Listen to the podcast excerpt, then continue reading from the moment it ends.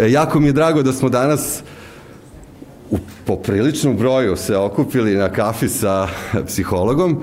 E, ja ću samo zamoliti da nam neko donese vodu, jer ono, barem vodu sa psihologom, ja sam ono, u tom takstu sam dihidrirao potpuno. E, tema današnjeg razgovora je o, su adolescenti i ova priča koju ćemo danas čuti i ovaj razgovor je jedan koji jaš baš ovaj, dugo iščekujem i jako mu se veselim, ne samo što sam otac dva adolescenta, već zato što mislim da to je jedna tema koja se nekako pojavljivala u ovim našim razgovorima, ali se, nismo nikad posvetili dovoljno pažnje, a o, fokusirali smo se na neke goruće probleme i aktualne probleme mentalnog zdravlja, depresiju, probleme koje je izazvala korona, a mislim da su adolescenti jedna ove, društvena grupa koja je jako, jako o, bila i vulnerabilna, takođe i podnela dosta tog tereta ovaj, ovih poslednjih godina, možda ne samo za vreme korone, nego i pre toga.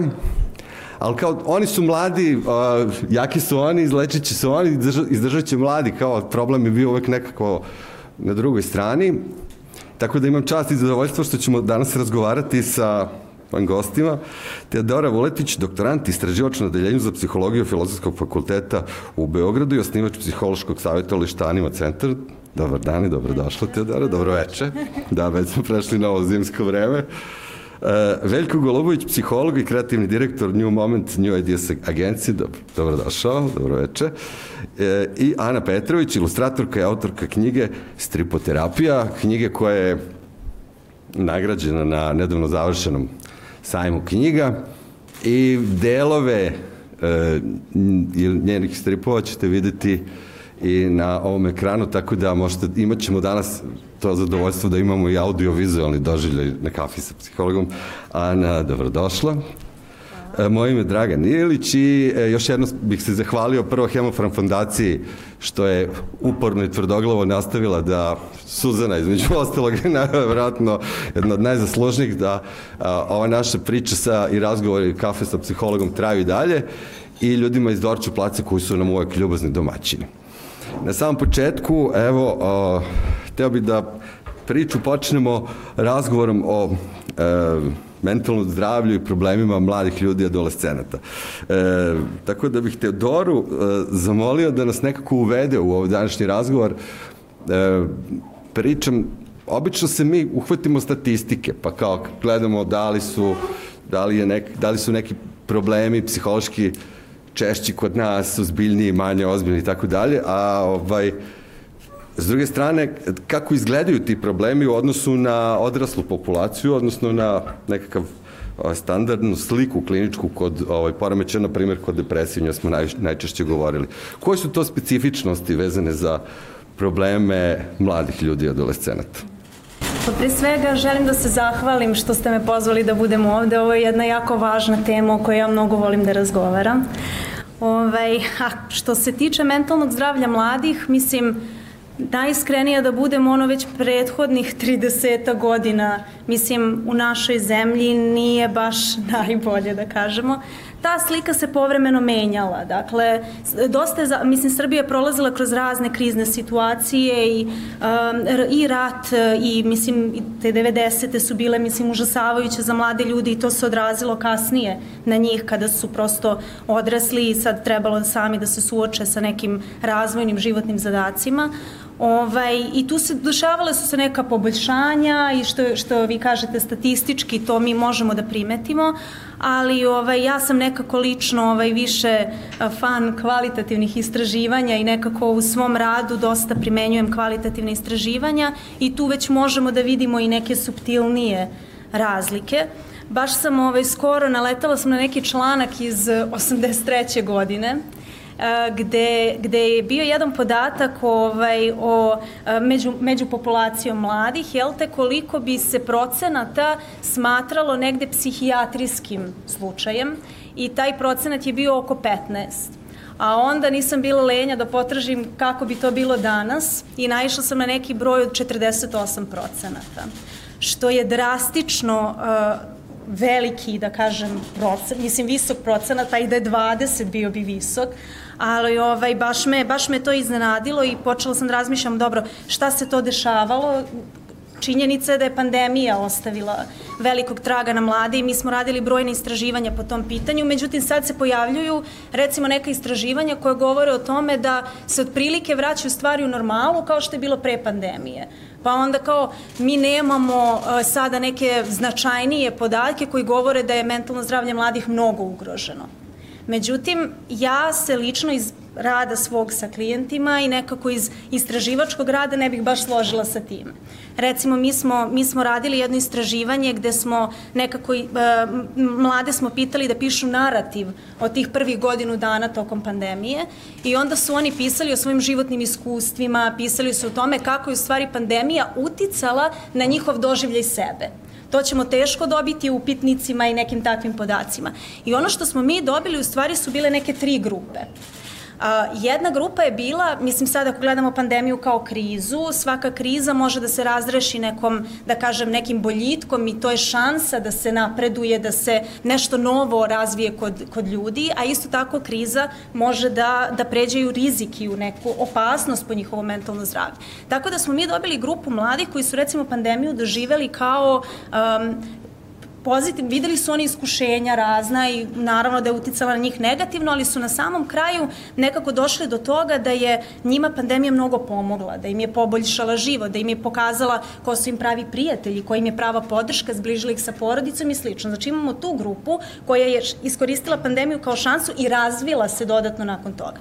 A onda imamo grupu mladih koja je iz cele te situacije recimo izvukla najnegativnije moguće doživljaje.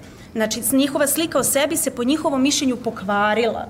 To je dosta uticalo negativno na njih. I to su neka, da kažem, iskustva koje su oni osmislili uh, u, u, u vidu pa, kao u reakciji na pandemiju. Međutim, imamo i treću grupu čiji narativi recimo su bili potpuno haotični. Oni nisu zapravo mogli ceo taj doživljaj uh, pandemije da, da osmisle, da. Tako da kao Sad kad imamo te tri grupe i zamislimo sada da mi njih prikažemo nekim brojkama, pa mi bismo dobili neku prosečnu vrednost i rekli bismo ništa se nije drastično promenilo.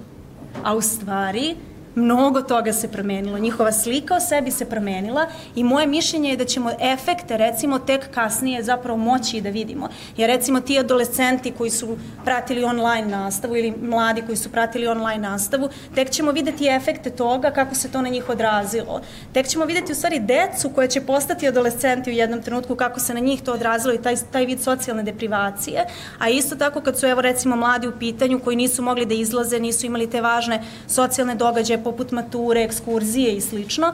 I recimo sad oni treba da uđu u mlado odraslo doba, razmišljaju o pravljenju porodice i sve i šta će da kažu, pa nisam dovoljno proživeo mene pandemija ukočila, nisam dovoljno proživeo i opet nam se pomera lestvica te adolescencije. To je znači još jedna generacija koja će imati izgovor kao ona, kao me, zajebo me sloba, pa me zajebo ove, pa, pre, pa mislim, na izrazu, da, ali pa, to je kao čest izgovor za, za sobstvenu, kao pa, gubitak lokusa kontrole. Pa da, oni će izmeštati ta, to, tu da kažemo krivicu, ali u suštini, mislim, kako da vam kažem, meni se čini da, je, da je Srbija prosto prolazila kroz takve stvari, da na neki način je kriza neko stanje koje je postalo normalno, nažalost, ne bih, ne bih volila da to tako bude, ali baš mi je palo na pamet eh, kad je krenula pandemija i sve, recimo, moji roditelji kako su to doživeli u odnosu na mnoge moje vršnjake, sve gde je bilo panično, jer ja nisam prolazila neke od tih strašnih stvari, recimo, u, u mladosti, u detinstvu kao oni, gde su oni, pa dobro, dešava se, evo, svi ćemo biti zatvoreni, pa snaći ćemo se, družit ćemo se. Ima struje, imamo šta da jedemo. Da,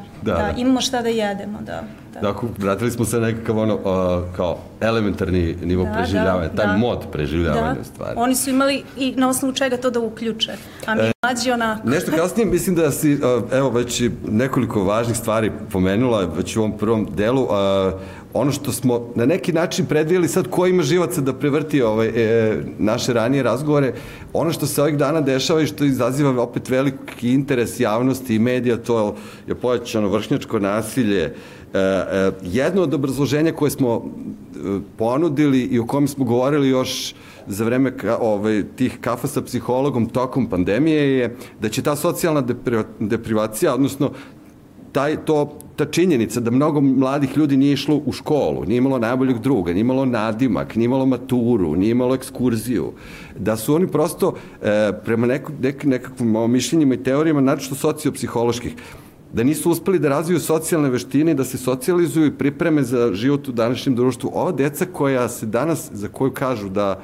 ispoljavaju agresiju prema svojim drugarima u razredu, e, prema nekim teorijama nisu dobro naučila taj jezik nasilja koji je opšte prihvaćen. Dakle, šta je ono što vi možete da prihvatite u komunikaciji kao nivo agresije koji je dozvoljen, koji nije dozvoljen, koja je žrtva.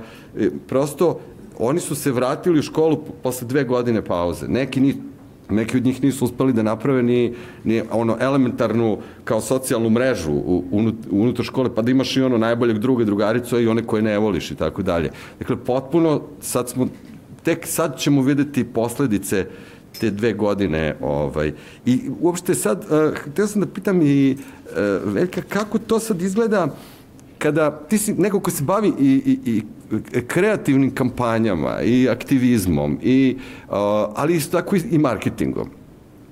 Kada se danas kaže onako kao mladi ili adolescenti, i sad razmišljate o njoj kao kategoriji, za koju možda nešto treba da se ponudi ili da se oni animiraju na nekakav ovaj, kao akciju, uh, da li je i na koji način se ovaj na koji način vi dolazite do informacija relevantnih pratiš istraživanja ili je to sad neki utisak kako možemo da uhvatimo taj duh ove, ove generacije, današnje generacije adolescenata? Jedan i drugi izbor su u stvari relevantni. A, najčešće kod nas i nemamo toliko dubinska istraživanja, kvalitativna istraživanja kada ih koristimo u marketingu, jer imaju svoju cenu, pa to zavisi od budžeta i svega što se i vremena koje imamo i rokova, a postoji taj drugi trend u, u oglašavanju, u, u reklamnom marketingu, a to je da se, to nije sada ovaj, počelo, to je počelo pre nekih deset godina, da se prate trendovi da se svi ti brendovi sa svojom komunikacijom prilagođavaju trendovima, odnosno žele da budu u nečemu već što postoji, što se izgradilo kao način, model komunikacije, ponašanja, u ovom slučaju mlađih grupa, mlađih ciljnih grupa, i onda se traži gde je to, šta je to u ovom trenutku aktuelno, popularno, pa se onda pojave tako kampanje koje se prepoznaju ili po muzici koja se sluša sada, ili po stilu oblačenja, ili po žargonu koji se koristi, ali to sve ne utiče na promenu. To nije promena, to je samo praćenje njih koji već su izgradili tu, tu komunikaciju i to je prosto neće doneti uh, nikakvu promenu, već će samo ući brend u njihov postojeći život i to je u, u ovoj situaciji, u odnosu na ono što je nekada oglašavanje moglo da uradi, vrlo problematična stvar to nije isto kao što je bilo. Mladi danas, uh, mislim, to su talasi mladih, kao, to su generacije mladih, ne samo današnja generacija, nego i prethodne.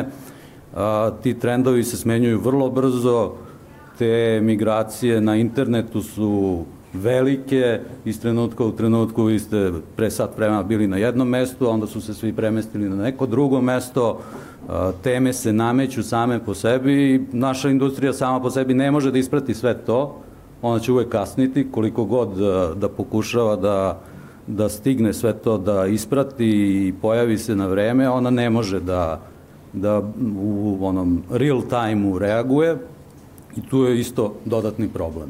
Tako da je komunikacija danas prilično uslovljena onim što je već formirano i što postoji i nema, nema više moć koju je nekad imala, jer prosto ceo svet je, ne znam, na dva, tri koraka uvek ispred nas.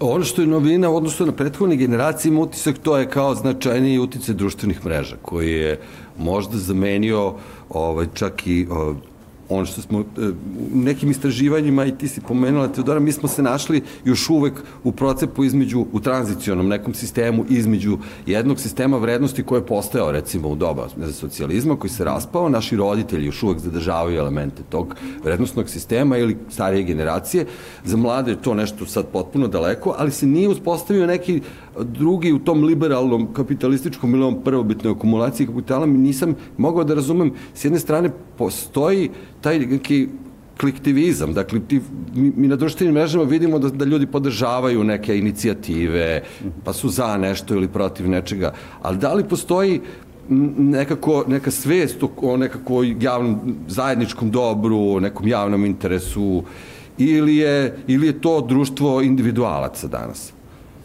Isto je za mene pitanje. Da, da. Dobro. Ovaj. Mislim kao pod pitanje ovog prvog. Da, da, da, ali tu je onako u samom temelju problema je u stvari taj raspad starog sistema vrednosti, a tranzicija je takav period da a, u isto vreme pokušava se izgradi novi sistem vrednosti, a stari se raspao. Ovo je neki taj vakum koji postoji, vrednostni vakum, koji je poguban koji je stvarno nepredvidiv u svojim posledicama i u svojim kretanjima i ciljevima gde će to sve završiti. U tom smislu tu ne postoji kontrola. A, društvene mreže su potpuno izmenile a, e, kriterijum vrednostni, jer su iz a, a, kvalitativnog vrednovanja prešle u kvantitativno. Znači nije više lajk sam za sebe i zašto sam lajkovao nešto bitno, nego koliko lajkova imam. Ta kvantifikacija se desila isto pre nekih deseta godina i to se na, nastavilo. A, nastavio se i razvoj društvenih mreža koje su aktuelne, koje su za mlade, sad je TikTok taj koji je preuzeo primat i njega nazivaju kokainom među društvenim mrežama. On je suludo brz i suludo nepredvidiv. On je stvarno nešto što treba ispratiti i pokušati odgonetnuti ne samo šta se dešava, nego šta bi moglo da se dogodi.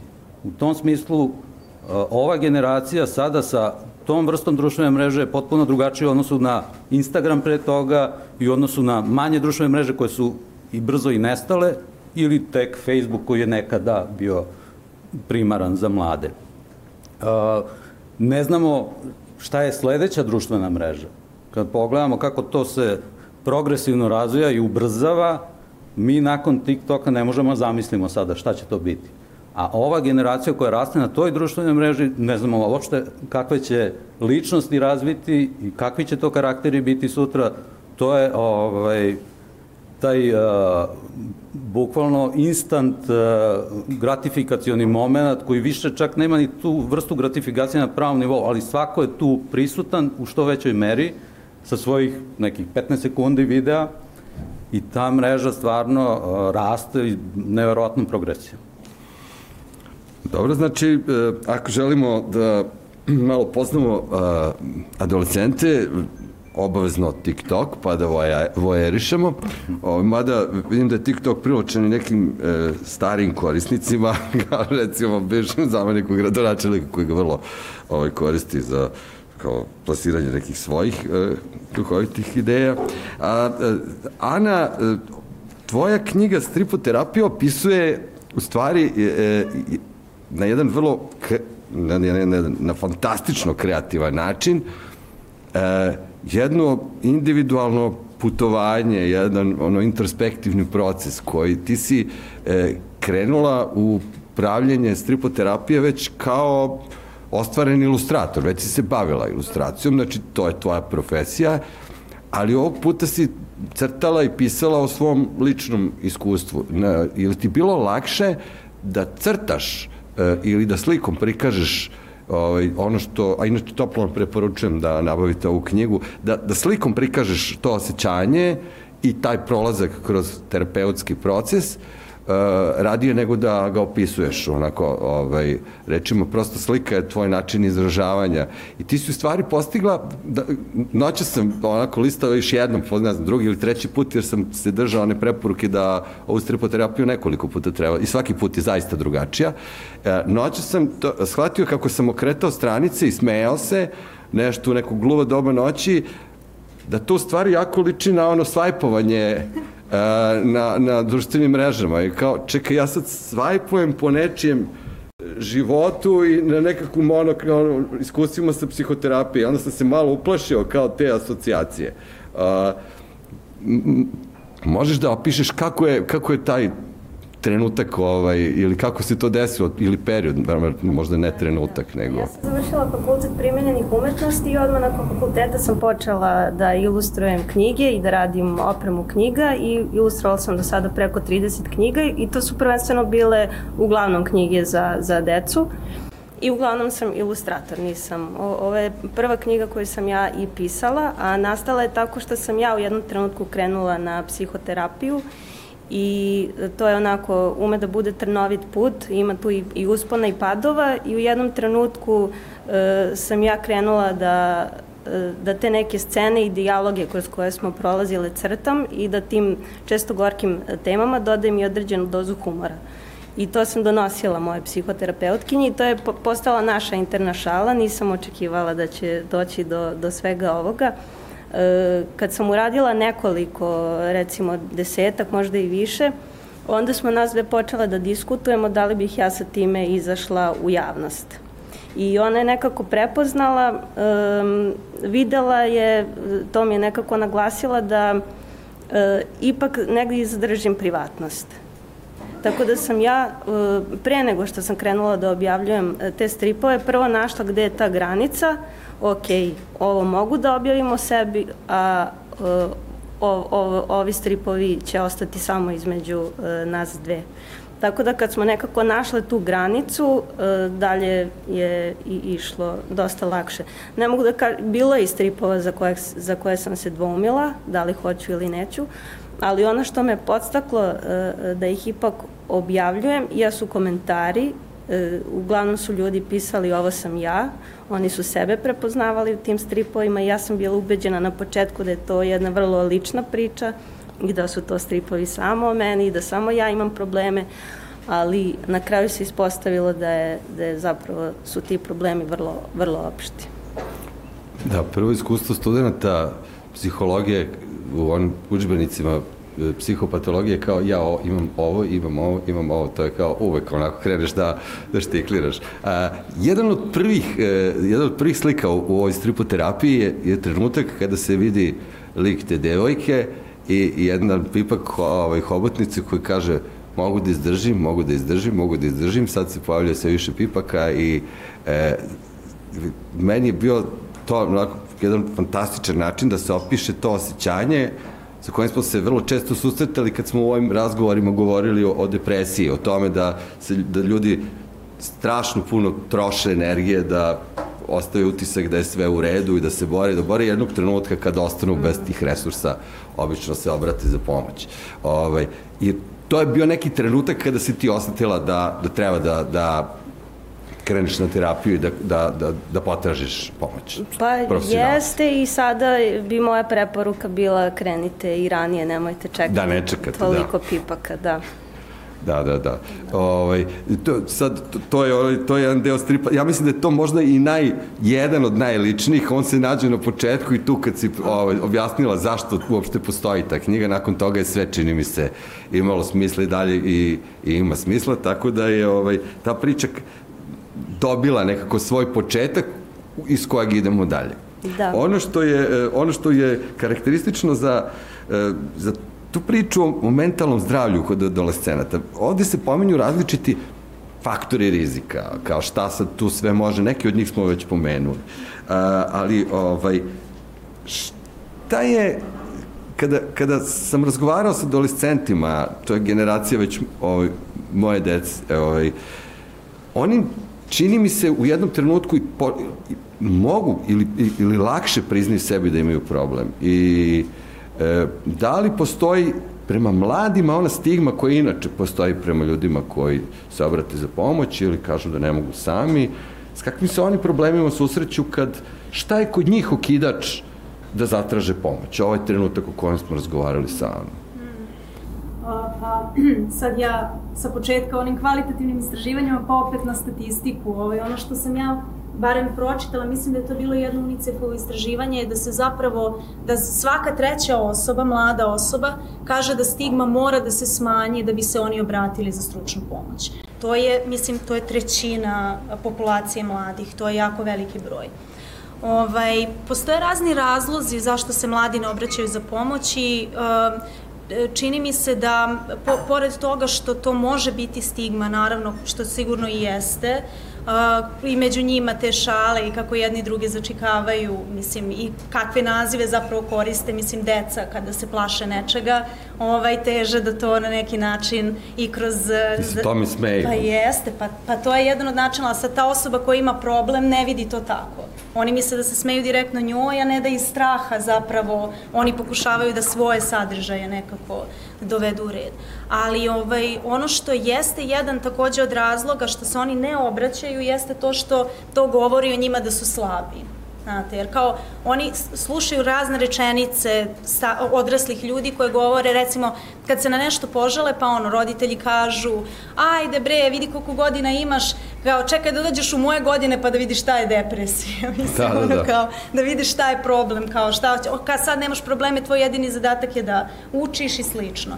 Tako da onda oni nekako stiču i o sebi sliku kao da su slabiji, onda kada tako rano oni ne mogu sami da izađu na kraj, šta će onda kasnije da im treba, kamion psihoterapeuta. Mislim, mo moguće da je to jedan kao način na koji razmišljaju, a opet e, takođe, jedan od uzroka što se ne obraćaju za pomoć može biti kod nekih mladih i strah da e, i zabrinutost da zapravo roditelji neće moći da podnesu to da njima nije dobro.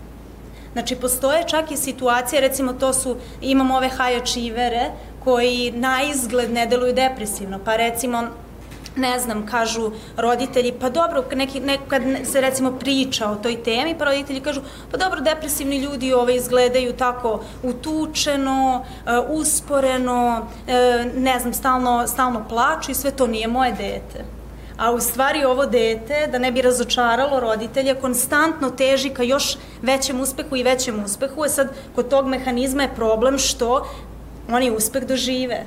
I onda način na koji su dolazili do uspeha biva potkrepljen. I onda svaki sledeći put smatraju da je to bio dobar način. Ali tu postoje neke suptilne stvari koje roditelji i okolina mo mogu da primete kod te dece, da, da, da imaju strašno veliki problem sa anksioznošću, da imaju problem na planu nekih telesnih simptoma koji se inače jasno ne vide, a ne, ne postoji medicinski uzrok. Znači, to jesu neki, neke simptomi i neke, neke karakteristike depresije koje mogu da se primete. Da, jer e, za roditelje je jako čudna situacija i to, o, ti rekla da problem mladih ljudi da, da, da vi e, vidite dete koje, kažeš, trećina adolescenata pokazuje neki znake e, problema. Kako razlikovati ono adolescensko, hormonsko ili ne znam već kako, ovo stanje, pa izmenjene jel, da, da, da. svesti, povećane emocionalne reakcije, katastrofičnih i fatalističkih pogleda na svet, sve je crno ili belo, sve mržnje ili ljubav. Mislim, to je, mislim, to je ono što je lepota adolescencije, to je ono što je, mislim, punk rock adolescencije, ono što nas dovodi do toga da se divimo toj strašnoj energiji koja ponekad ima fantastične ovaj, i, i, rezultate, ali kako da prepoznaju roditelji, razgovarao sam sa nekim terapeutima koji su mi rekli da je najveći problem e, sa decom koje osjećaju, ili od mladim ljudima koji osjećaju problem, jeste da se plaše da kažu da imaju problem zato što nemaju problem s roditeljima. I kako da kažeš roditeljima koji su pažljivi, dobri, nežni, da ti imaš problem, jer će onda oni misle da su oni nešto zeznuli, je li tako? Pa to je taj strah, I da, to je taj da, strah, da ne zabrinu da, dodatno roditelje, da ih ne rastuže dodatno. Da, to je taj strah. Um, Ka, ka, sad bilo je, baš je bila emisija Utisak nedelje, ne znam da li da. ste ispratili, fantastične bili, baš je bila tema o, tom, o tim eksternalizovanim nekim problemima i internalizovanim problemima. Dakle, one stvari koje su jasno vidljive kod mladi kada nešto postaje problem i, ono, i onda kada oni ne govore o problemima i kako se to u stvari primećuje. Meni je interesantno recimo um, da tu postoje sada kada, kada mi navodimo kako se prepoznaje da neko mladi ima problem, pa tu sad stoje problemi sa spavanjem, pa ne znam, igranje igrica često, pa ne, sad kad se, ti, kad se te stvari izlistaju, to nekako sve u nekom okviru može da zvuči kao normalan adolescent, normalan, ne volim tu reč, ne znam i zašto sam je sad pomenula, ali očekivan adolescent. I ovaj, uh, bitno je, čini mi se, da se, to, pošto oni moraju da testiraju granice, to je njihov razvojni zadatak. Naravno da će oni da pokušaju, da sad vide kako je ovo, kako narod će da imaju fatalistički pogled na svet, da bi videli šta je ono što nije fatalistički, znači da moraju da istraže i drugu stranu da bi našli neku svoju sredinu. Ali recimo evo kad su problemi sa spavanjem u pitanju, mislim da, da se vidi recimo razlika između toga kada adolescent vikendom recimo hoće da legne u 2, a da ustane u 12 ja lično, ja nemam decu, to moram odmah da kažem i mislim da tu možda i negde imam drugačiju perspektivu, ali to ne bih nazvala problemom koji, koji, se, koji je karakterističan za neke, da kažem, mentalne tegobe ili slično. Ali recimo ako, se, ako imaju košmare koji traju jako dugo, znači ne, ne mislim na neke probleme koji traju par dana, jer prosto i sami ste pomenuli ta promenljivost kod njih, da, par dana može da se desi da imaju nešto što liči na simptome, ali kada se nešto dosta dugo pojavljuje i recimo bude se u sred noći, pa taj gaming kada, kada, kada postane to jedini razlog zašto oni žele da dođu kući iz škole, kada se, jedna jako važna stvar, kada se ne socijalizuju dovoljno, kada se ne druže dovoljno. Znači, nekad, sad, mislim da roditelji takođe jako važno da budu digitalno pismeni i da prosto budu u tom svetu društvenih mreža, čak i igrica, jer su danas i igrice, to su open world igrice gde oni mogu da komuniciraju međusobno, da istražuju, da prave taktike i sve, prosto to je jedan od načina na koji se oni potencijalno druže i razvijaju neke od, njih, od svojih veština.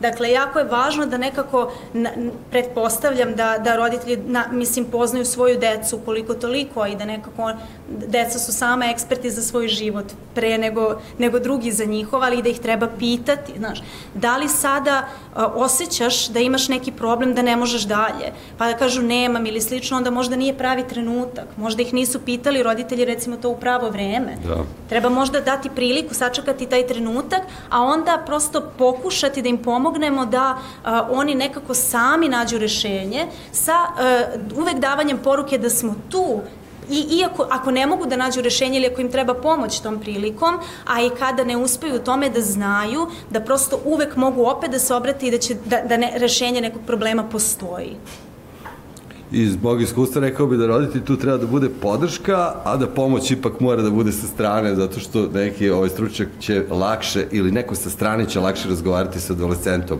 Od, o, teško da će te probleme najdublje moći da, da podeli sa roditeljima. Da, da, da, najdublje, ja sam, da. Kao, to je još jedna od stvari koju kao roditelj treba da prihvatiš, da, da neke stvari ne možeš da očekuješ da će, Absolutno. da će čuti od adolescenta. Neke Absolutno. baš onako duboke, duboke ideje koje se pojavljuju sa kojima ne znaju šta da rade ili ne znam neke strahove ili e, ja recimo u radu sa klijentima oni mi se često požale kako recimo ne, neće da se obrate nekome da ne bi razočarali recimo mamu ili tatu zašto zato što će onda oni da se naljute što se nisu obratili njima da što nisi znači. meni rekao ili da. ne daj bože nekom članu bliske rodbine kao zašto da. si se baš ujaku obratio a ne tako meni da i roditelj da, mora da, da malo kao shvati da, da ne može da reši tako baš je. sve probleme ali uvek mora da bude tu kao podrška tako je to je sad jedan praktičan savjet ovako za ovu situaciju. Ovaj, e, govorili smo o društvenim mrežama, evo kao, e, da pitam neka za, za e, psihologiju, kao psiholog, ta znanja svakako, ja sam uvek, kad se koristi psihologija u advertisingu, sam uvek onako ko e, se plašim da je to nekako uvek igra pak s onako, da li može, da, u kojoj meri može da nam bude korisna, a u kojoj meri može da se zloupotrebi. I, i tu stvarno čovjek mora da bude vrlo, e, vrlo jasan sebi i kao da imaš pred sobom jasno opravdanje kada se ovaj, koristi psihologija advertisingu. Ono što si radio jeste između ostalog i kampanje, i to za, za neke ovaj, društveno odgovorne kampanje, kao što je u posljednjem slučaju smo sarađivali i kada smo radili na projektu ovih na Salomivi. Uh, kada, kada se planiraju takve kampanje, njihov cilj je u stvari da se, da se neke promene pokrenu u društvu, da ljudi, ljudima skrenemo pažnju na, na, na neki problem ili neku želju. E, koliko tu možemo da računamo ili koliko to stiže do mladih, koliko su oni uopšte zainteresovani za, za, za takve stvari?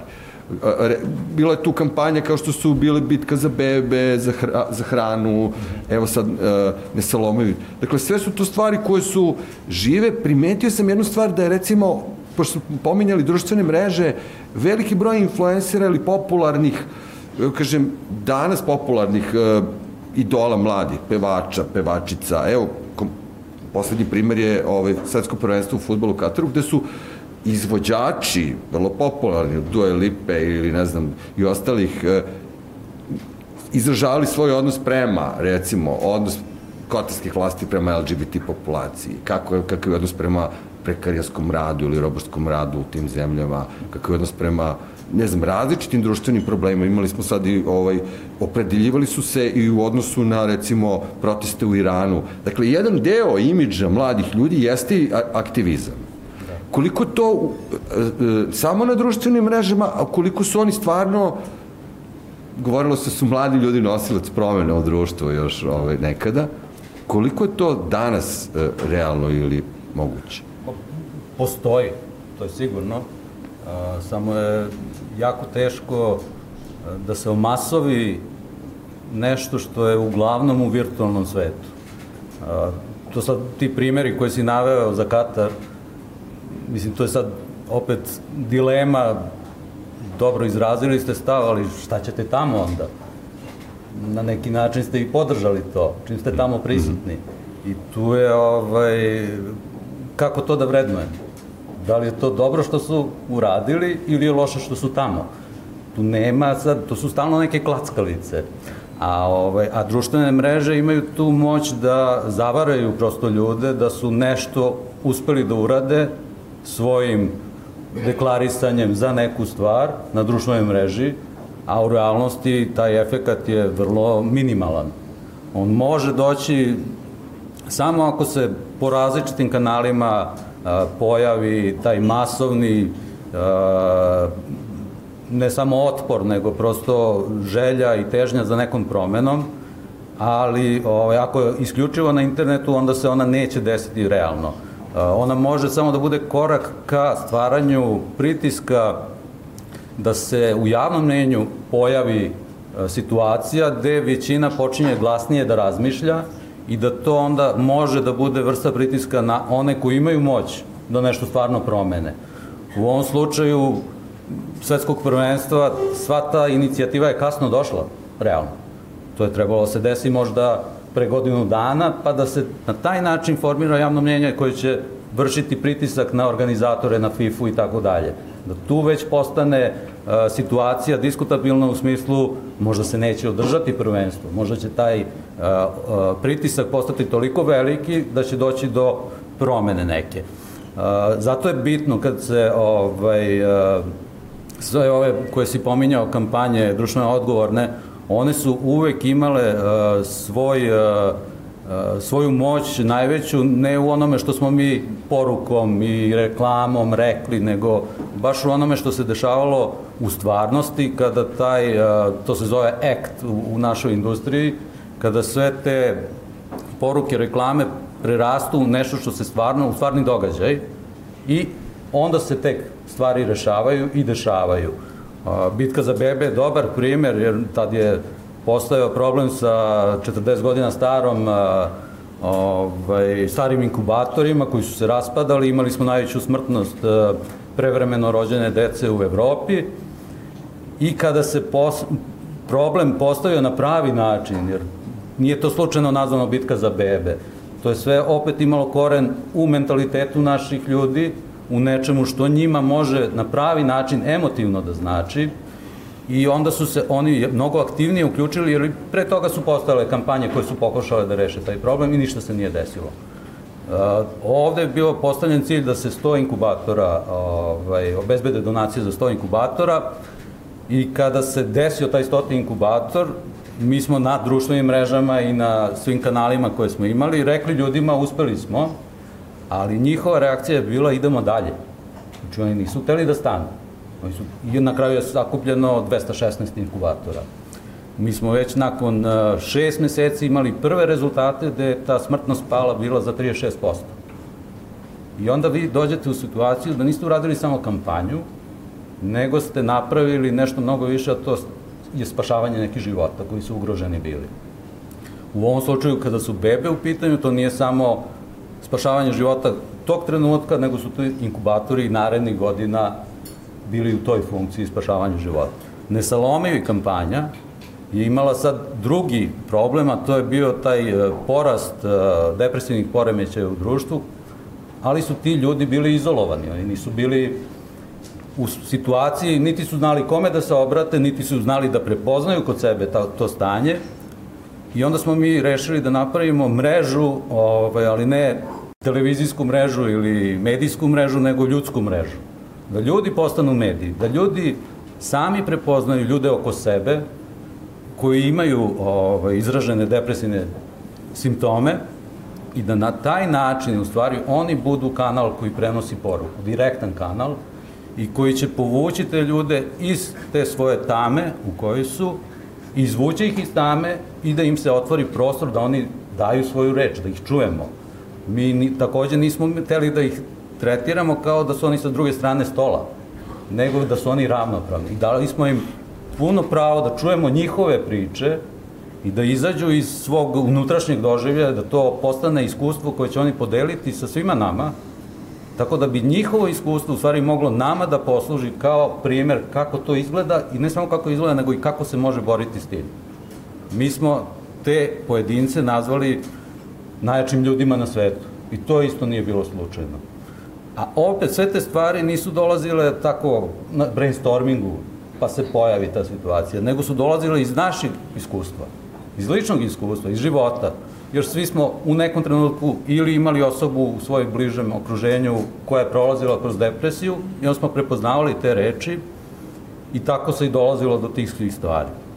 Tako da sve te kampanje mogu ostati na deklarativnom nivou.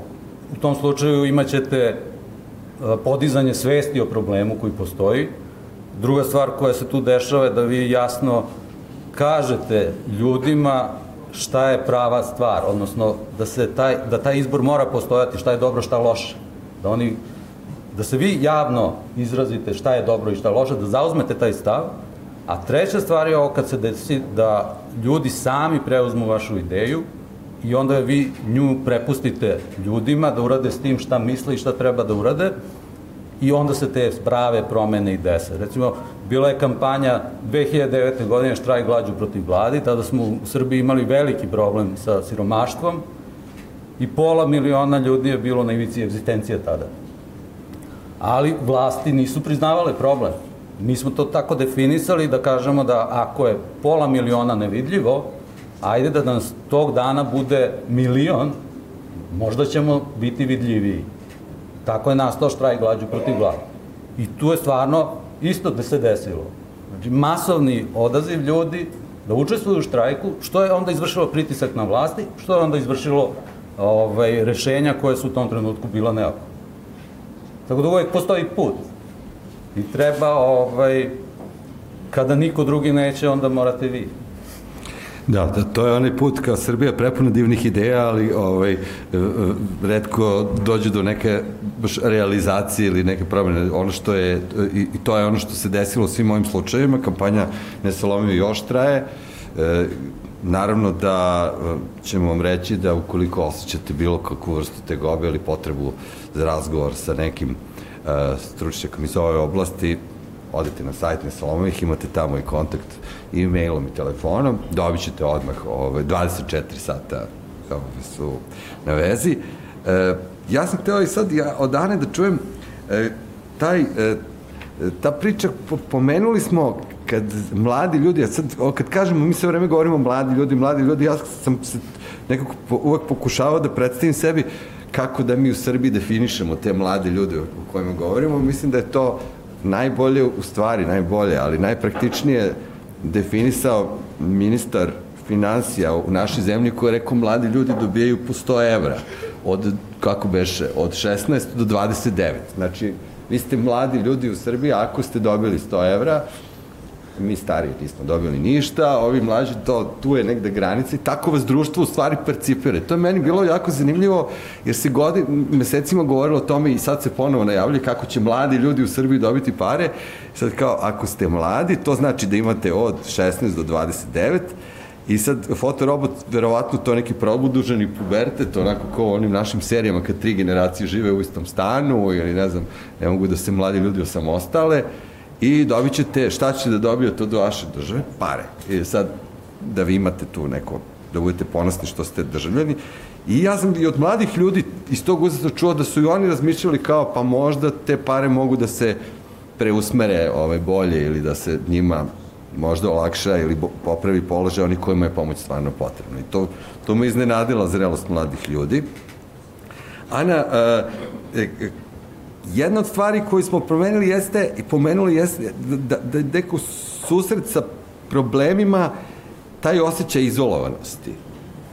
E, kada čovjek se bavi tvojim poslom, kada stvaraš, kad slikaš, ja nekako zamišljam da je to posao kad si sama uh -huh. sa nekim bojama i -huh. papirom pred tobom, e, tvoj posao je takav, ovaj, koliko on sa tebe ono udalji od ljudi ili te, ili na koji način je mogao da utiče na, na, na tvoje stanje ili koliko je tvoje stanje ili tvoj loš ovaj period uticao na tvoj rad. Uh -huh. Šta je tu bio tebi ono znak da nešto nije u redu, ono, jel, jel ta činjenica da ne možeš da radiš, E, kako želiš ili neki osjećaj izolovanosti uh -huh. od mhm. sveta?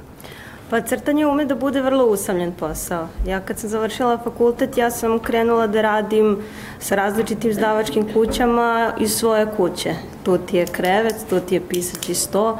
U jednom trenutku sam udomila psa, pa onda ujutru kad izađem da prošetam psa, pa kad se vratim u tu istu kuću, onda mi je to bio kao neki put od, od kuće do posla. To sam tako nekako sebi objasnila. E sad kad se vratimo, je sad sam ja na poslu, ali nekako gubiš stalno tu granicu šta je posao, šta je kuća i onda imaš osjećaj da ceo dan radiš i da ceo dan ništa ne radiš.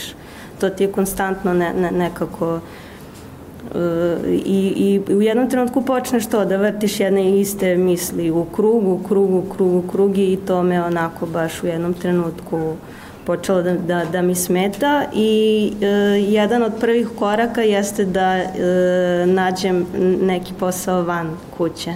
Tako da sam radila jedno vreme i u školi i sa mladima, u srednjoj školi sam radila i e, trenutno radim i studija, tako da imam e, kolege, svako ima ključ, dođe kad ko hoće, e, imamo i neke koje rade sa strancima, tako da zbog vremenske zone, oni su uglavnom tu uveče, kad god dođeš nekog ima, onda su me čak pitali, joj, pa jel se svađate, jel se slažete? Mislim, svako ima svoj posao u suštini, e, tako da nema neke svađe, jer svako radi za, za sebe, ne, nema oko čega stvarno da se, da se posvađamo. E, I to mi je, da, ja, jako, jako prijelo, a radila sam u srednjoj baš tokom e, pandemije. Tako da to je... Tamo si radila kao predavač, ja? Da, predavala sam e, pismo i grafiku knjige I ono što je meni nekako najinteresantnije bilo, tako sam ja stekla utisak da, da oni nekako neće imati kolektivnu nostalgiju. Jer svi igraju igrice, ali svako igra neku drugu. Kod mene se znao, Super Mario je bio broj 1. Svi gledaju serije, ali svako gleda neku drugu seriju, svi slušaju muziku, svako sluša ne, nešto drugo. Recimo, ja kad slušam moje roditelje, to se zna, Beatlesi, farmerke, oni neki crveni kiosci, svi će pričati te neke iste priče. Ja imam delimičnu kolektivnu nostalgiju sa mojom generacijom. Evo sad je baš nedavno recimo preminuo glumac koji igra jednog od moćnih rangera i vidim da je to ovaj, moju zeleni. generaciju zeleni. Ovaj, dosta ih je to uh, pogodilo, tako da sad nekako ko je šerovao zelenog moćnog rangera, on je, on je moje godište, ali ne znam šta će biti njihova kolektivna nostalgija, to je, to je bio moj utisak. E, ovde sad opet samo da zamolim Veljka za komentar. E, u, u ovom poslu koji radiš, ti radiš s kreativnim ljudima, mladim ljudima, agencija je puno mladih kreativnih ljudi, e, ovih što dobijaju pare od države. I sad, e, ti treba u stvari da e, uklopiš e, mnogo mladih kreativnih ljudi u neki tim, jer posao kojim se bavite timski rad. Prosto, za razliku od ilustracije koje Ana sedne i ureda taj svoj posao. Ok, u saradnji sa piscem ili izdavačem, urednikom. Sve preko ovaj, maila. Ali sve ti ide mailom, da. Ovaj, kako to funkcioniše uh, kod vas? Da, da li, uh, kako izgleda sad taj kreativni proces u, kod, kod, kod mladih ljudi I pogotovo u ovo doba kada su oni svi tako po kućama i ti treba njih da uvežeš i da stvoriš neku ideju da rade istu stvar ili da rade zajedno neku stvar. Ovaj osjećaj kolektivnog iskustva o kojem pričavam.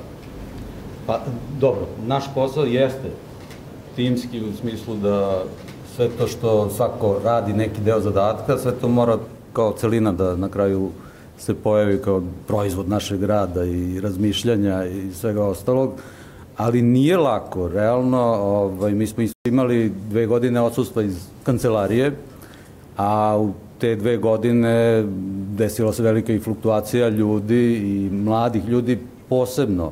Mladi ljudi se jako teško vezuju za stalan posao poslednjih godina, jer u nekako teže ne onom karijernom putu koji je nekad postojao za starije generacije, nego bi da to mnogo brže funkcioniše, da nekim skokovima u stvari napreduju i manje se vezuju za samu profesiju, a više za novi posao. I onda to nisu sad prelasci iz kreativne agencije u kreativnu agenciju, nego su prosto druga vrsta biznisa, druga vrsta čak industrije, oni to sve rade da bi svoj život učinili boljim, odnosno svoje pozicioniranje u, u, u svetu u kome živimo, da sebi obezbede neke stvari koje su njima u tom trenutku bitne. Oni koji se opredele baš za ovaj posao i žele da nastave tim putem, oni su spremni da budu timski igrači. Oni mnogo lakše shvataju prirodu posla i oni će se lakše uklopiti. Ove dve godine mi smo sve to online organizovali i meni je bilo to potpuno novo iskustvo u smislu kako će to funkcionisati i kako ćemo uopšte naći sve te ljude u nekom određenom trenutku da se svi pojave na toj uh, online uh, tom sastanku.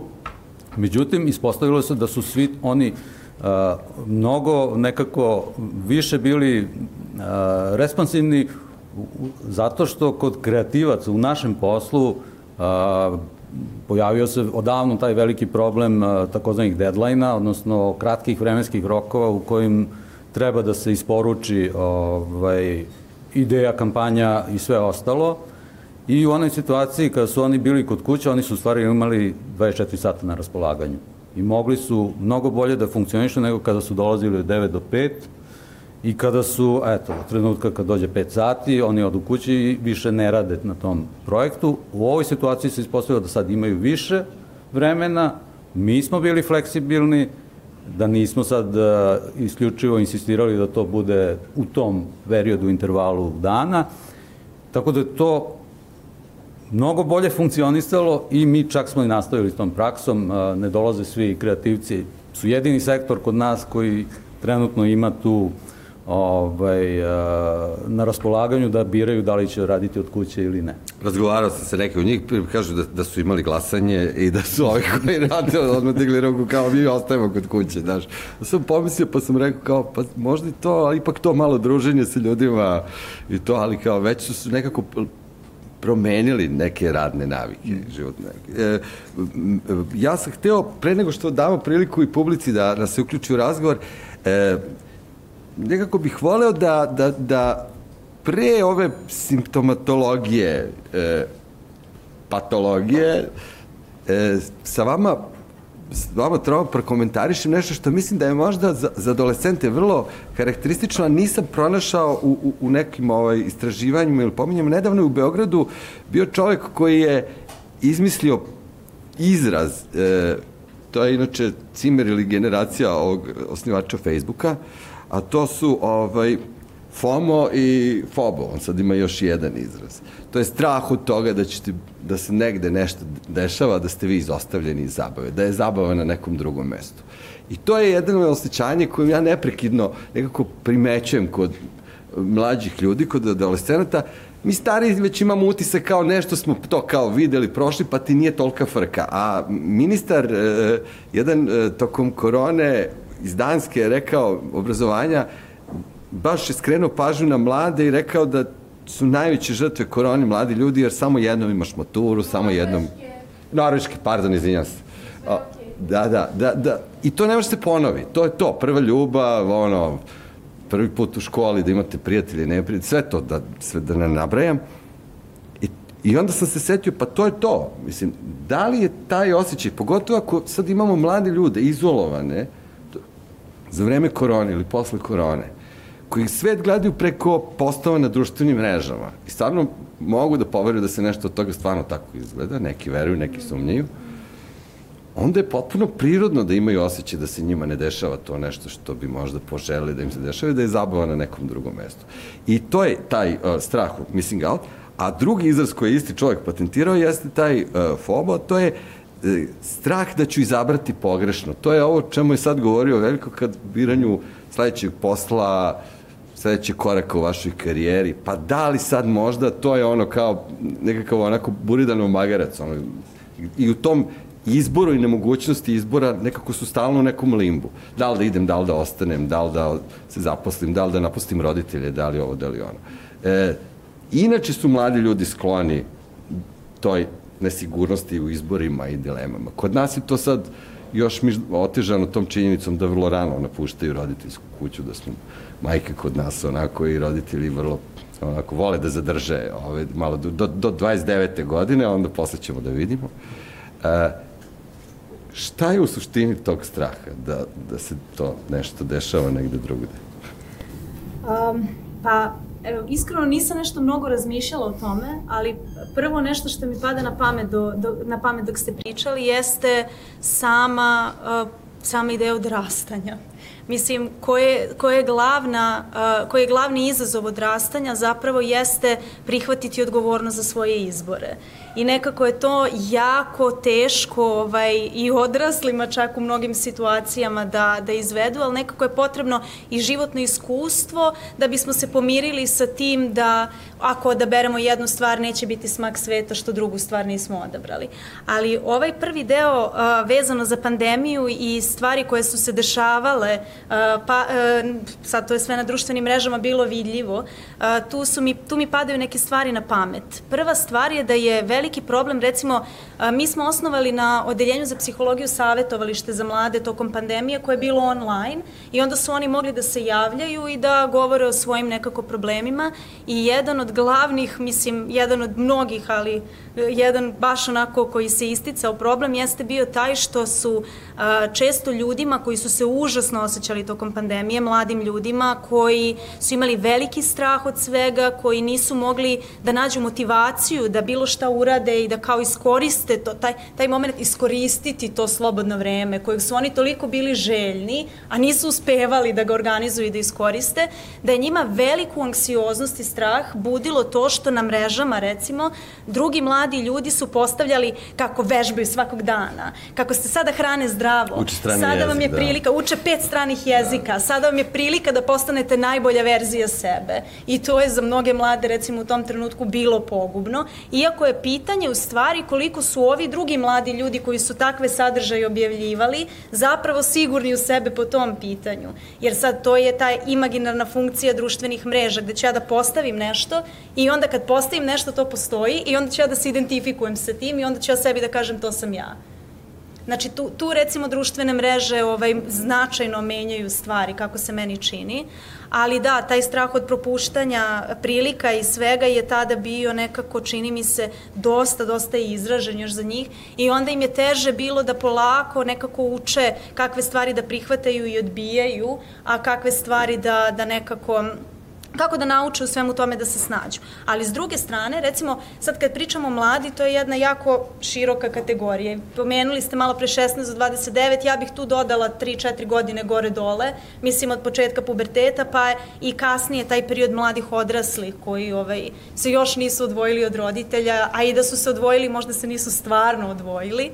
Ovaj, ali znam da je, recimo, ljudi su izjavljivali uh, taj pozitivan, recimo, efekat uh, da uh, ništa se zapravo u stvarnosti nije dešavalo i to im je, zato što se dešavalo recimo ili online ili slično, i nije mo, niko nigde nije mogao da ide i kao super, zato što se ne događa ni jedan koncert, ni jedno okupljanje, ništa i sad ja znam da niko drugi ne radi ništa drugo I isto tako mnogi ljudi nisu mogli da rade recimo da, da poslove, da uče i kao kad se pričalo o tome da, da ne mogu da uče, da imaju problem sa učenjem, aha, mnogi drugi zapravo imaju taj problem. Znači, mislim da je efekat bio dvojak po tom pitanju.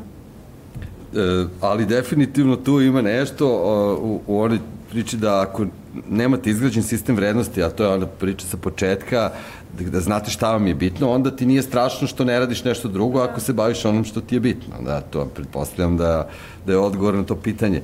A, ovaj, e, ta ideja o, o tome da je, da je svet prepun e,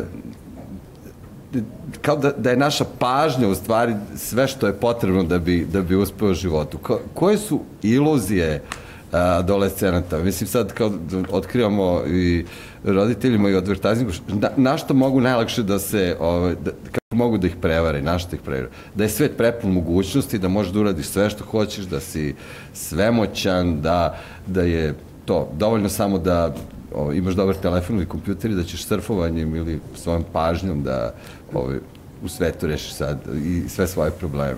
Pa, to je ta velika iluzija koju internet nameće, jer mi vidimo samo uspešne primere. I ovaj, onda kada se sagleda cela slika, onda prosto svet vrca od uspešnih mladih ljudi. Ovaj, oni loši primeri su u funkciji zabave. Entertainment je tu naglasak je na tome. Znači, smejemo se, zabavno nam je kad se nekom nešto loše desi, a fascinirani smo kada vidimo neku uspešnu osobu i lako bismo mi ovaj, se upecali na tu priču i pomislili da možemo i mi. Ali to je nekako i prirodna stvar, da se eh, ne samo mladi ljudi, nego i stariji ljudi ovaj, eh, inspirišu tuđom uspešnom pričom. Veći je problem koliko je to stvarno uspešna priča. To ne možemo nikada proverimo, to ne možemo znati tačno, ali veruje se u to, jer se nameće, jer je to taj dominantni kanal ne samo informacija, nego on kanališe i emocije i model ponašanja i verbalizaciju i kako ćemo izgledati, sve tu prisutno Samo je pitanje koji smo od tih mnogo ponuđenih primera mi izabrali kao nešto što, gde smo se najviše prepoznali.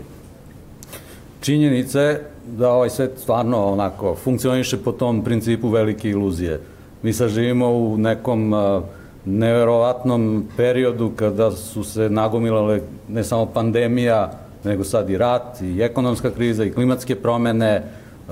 Ova sila različitih kriza, to je ono što se zove savršena oluja. Mi nismo toliko svesni toga jer živimo taj period, ali je pogubno, jako pogubno, posledice će biti ko zna kakve, a koliko je sve to istinito, to tek ne možemo da proverimo. Mi znamo da postoje to pokreti uh, za spas planete, kad su u pitanju klimatske promene, ali koji su mnogo radikalniji nego što je nekad bio Greenpeace. Extinction Rebellion je nešto što do sada nije postojalo. To sad dobija neke ekstremne dimenzije, jer su mnogo spremniji i oni, ali i ovi koji ih sprečavaju u tome što rade. Tako da sad mi imamo tu scene da prosto dolazi do ubijanja ljudi koji se zalažu za borbu protiv klimatskih promena, odnosno da se stopiraju stvari. To do sada nije postojalo. Takve vrste ekstrem, ekstremnosti postojale su i za vreme pandemije kada su ljudi e, izlazili iz e, karantina na ulice, pa je dolazilo do sukoba, ne pričam ovde o Srbiji, pričam po svetu, je bilo toga. Izvini, evo sad smo imali primjer da. mladih ljudi koji ovaj, skreću pažnju na klimatske promene tako što slike zaspu Pireom i spremni su da, da se zalepe. Da. I sad, znam da će možda nekog izgledati ovako ovaj, blasfemično to što ću reći, bez obzira na, na, na to, sad možemo da raspravljamo o tome da li je način mm -hmm. dobar ili nije. Ono što je meni u toj celoj priči bilo nekako optimistično, jeste da su mladi ljudi bili spremni da se na neki način angažuju i da se žrtvuju, jer to kao povlači sa sobom i neku kaznu kažem, možemo da diskutujemo o tome da li je pire na slici pravi način da se skrene pažnje, ali definitivno su bili spremni da nešto urade. Tako da, E, tu ima, a ne da, da, klikću da. na, na društvenim mrežama. Tako da mi je to nekako ulilo nadu da postoji još možda neke teme oko kojih ljudi mogu da se angažuju i da se pokrenu. Mladi ljudi. Tu postoji još jedno zrno optimizma u smislu ljudskog bića, a to je da se tu pojavljuju sad e, neki začeci ponovo nekih ideologija. I to je ono što nedostaje ovom svetu. Ovaj svet nema ideologiju, nijednu koja je dominantna i važeća sad u svetu. Ne postoji. Postoje interesne zajednice koje sprovode svoje politike, ali ideologija kao ideologija je nestala potpuno. U ovom pristupu toliko ekstremno, to je Extinction Rebellion, ti primeri sa umetničkim delima, tu vidite spremnost e, da se veruje u neku ideju, bez obzira na posledice koje će se desiti. Njihova rečenica koju oni stalno izgovaraju kada se uništi umetničko delo, kada se zalepe ili šta već urade, je da ako nema vode, šta će nam umetnička dela? I to je njima dovoljno, dovoljni argument da oni sprovode tu ideju u delu. E, još ću samo ovaj, Anu zamoliti za uh, jedan uh, odgovor. Razmišljao sam u, u svetu u kojem uh, među mladim ljudima dominira zabava, pošto sam ovaj, danas razmišljao i, i o ovom razgovoru i vidio sam onu jednu reklamu, vratno ste je primetili, mlada, lepa devojka poput Ane u kolima i kaže Ana ima 25 godina i nema bore, ali mora da počne da razmišlja o njima i onda kao kako da ostaneš lepa do svoje stote godine i tako dalje. Internet je pun uh, lepih, mladih uh, ljudi koji se zabavljaju, televizija manje više tako isto izgleda. Sad malo se svađaju, pa se malo vole, pa se malo...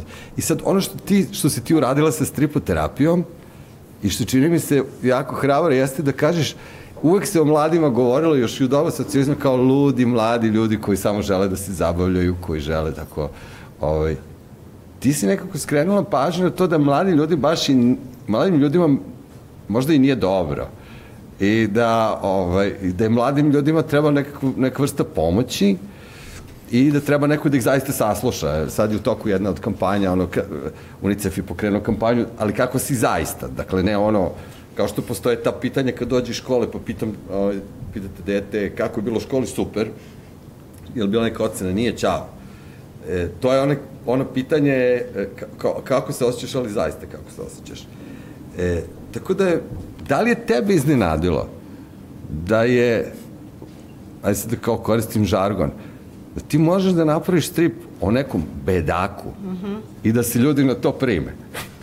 Jeste, iznenadilo me to. Ovaj, ja sam nekako me zasitio taj i teror i lepote i sreće na, na društvenim mrežama i to što su svi uspešni i onda sam nekako rekla, evo, brate, mili, meni je teško. Ovaj, nisam se baš uvek osjećala dobro, ali e, bilo mi je interesantno kad sam radila u, u toj srednjoj školi, jednom smo pričali Ja sam nešto spomenula bioskop Zvezda, kako su eto tu neki mladi ljudi u, ušli u bioskop i krenuli da e, osmišljavaju neki svoj program i onda sam ih pitala ajde da, da vidimo šta biste vi kad biste ušli u neki prostor, šta, u koji prostor biste ušli i, i šta biste tu sve radili. I bilo je zaista ovaj, neverovatnih e, e, predloga i onda sam ja nekako ajde da vežem i sa mojim predmetom pa kako bi radili plakate pa kako bi to sve ovaj, vizualno izgledalo i, i e, iznenadilo mi je da su među tim svim brojnim programima rekli, znači to su srednjoškolci, oni su tad bili treći razred, rekli su da bi želeli da jednom nedeljno e, e, imaju grupnu psihoterapiju u tom prostoru. Pa da. Da, to znači, stvarno... Pa da, odlično, da. da pored uh, muzike, filmova, da, pored svih, svih ovih drugih zanimljivih su oni bi hteli Da, rekli su jednom nedelju A to znači da s nekim razgovaraju, da međusobno razgovaraju o svojim problemima. E, sad ću doradim najgoru stvar na ovom svetu, to je ono što mrzim i na konferencijama za štampu, da citiram naše političare, da kažem da nam je ostalo vremena zbog mog kašljenja, za samo jedno pitanje, tako da vas molim, evo, a, ko je bio najbrži, izvolite. A, se čujem? Dobro. A, dobro večer svima, Ivona Simonović, Dnevni list danas. A, htela bih postavim pitanje Teodori.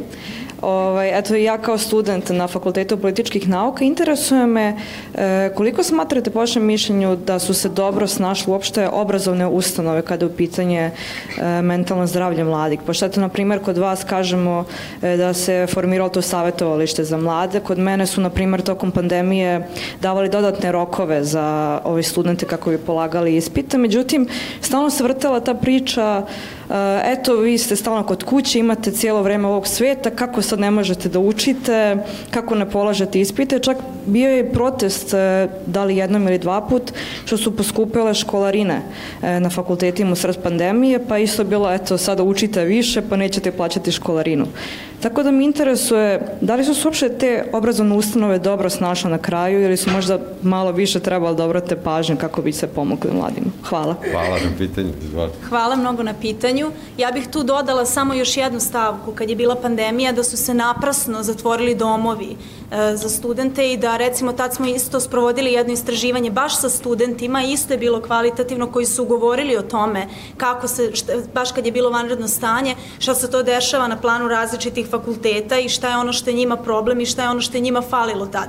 Znači to sa domovima je bila strašna stvar njima, recimo zato što su morali da se vrate u neke sredine gde nisu potencijalno imali internet. Znači nisu mogli ni da pristupe predavanjima. E sad, kako su se snašli, kako su se snašle različite e, institucije, to zavisi od konkretnog fakulteta.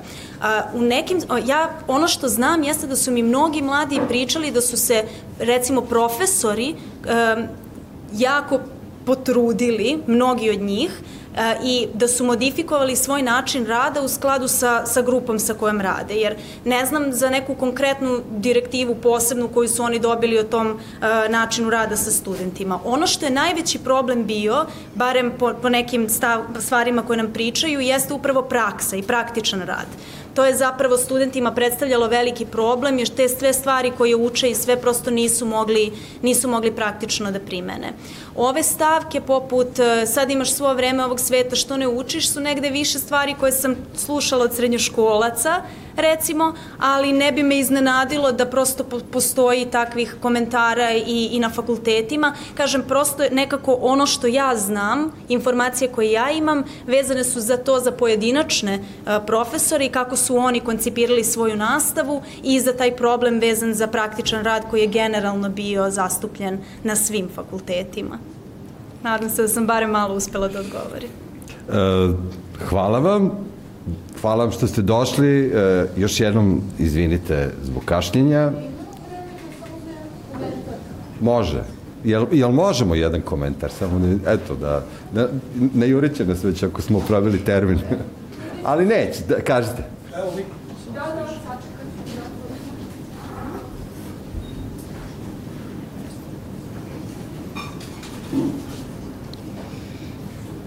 Hvala najljepše pre svega organizatorima, da. E, moderatoru, izvinjavam se, ovo je bila profesionalna deformacija, ja sam studirala skandinavistiku i živala u Norveškoj, tako da, da, da mi je da. vrlo ovaj, specijalista sam.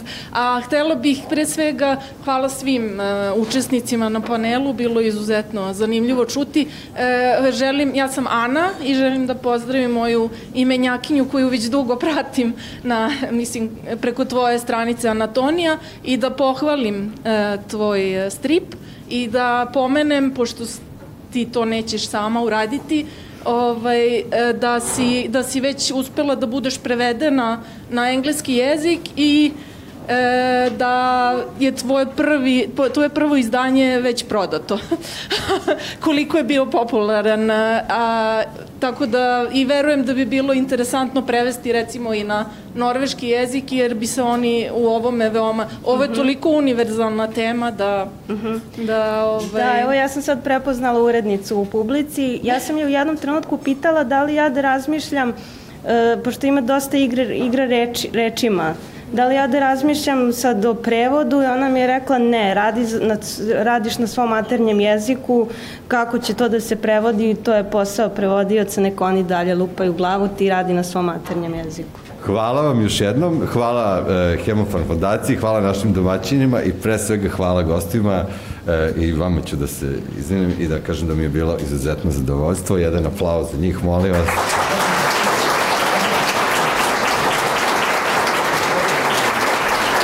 Približava nam se kraj godine, možda ćemo se videti do kraja godine još jednom, znate ima onaj, ona jedno izdanje kafe sa psihologom u oči novogodišnjih praznika kad su svi razdragani, a onda ću zamoliti Anu jedan crtež na temu kako ne, nisu baš uvek svi totalno razdragani, ali nema veze, nešto se novo desi, počinje nova godina. Hvala vam još jednom i vidimo se na sledećoj kafe.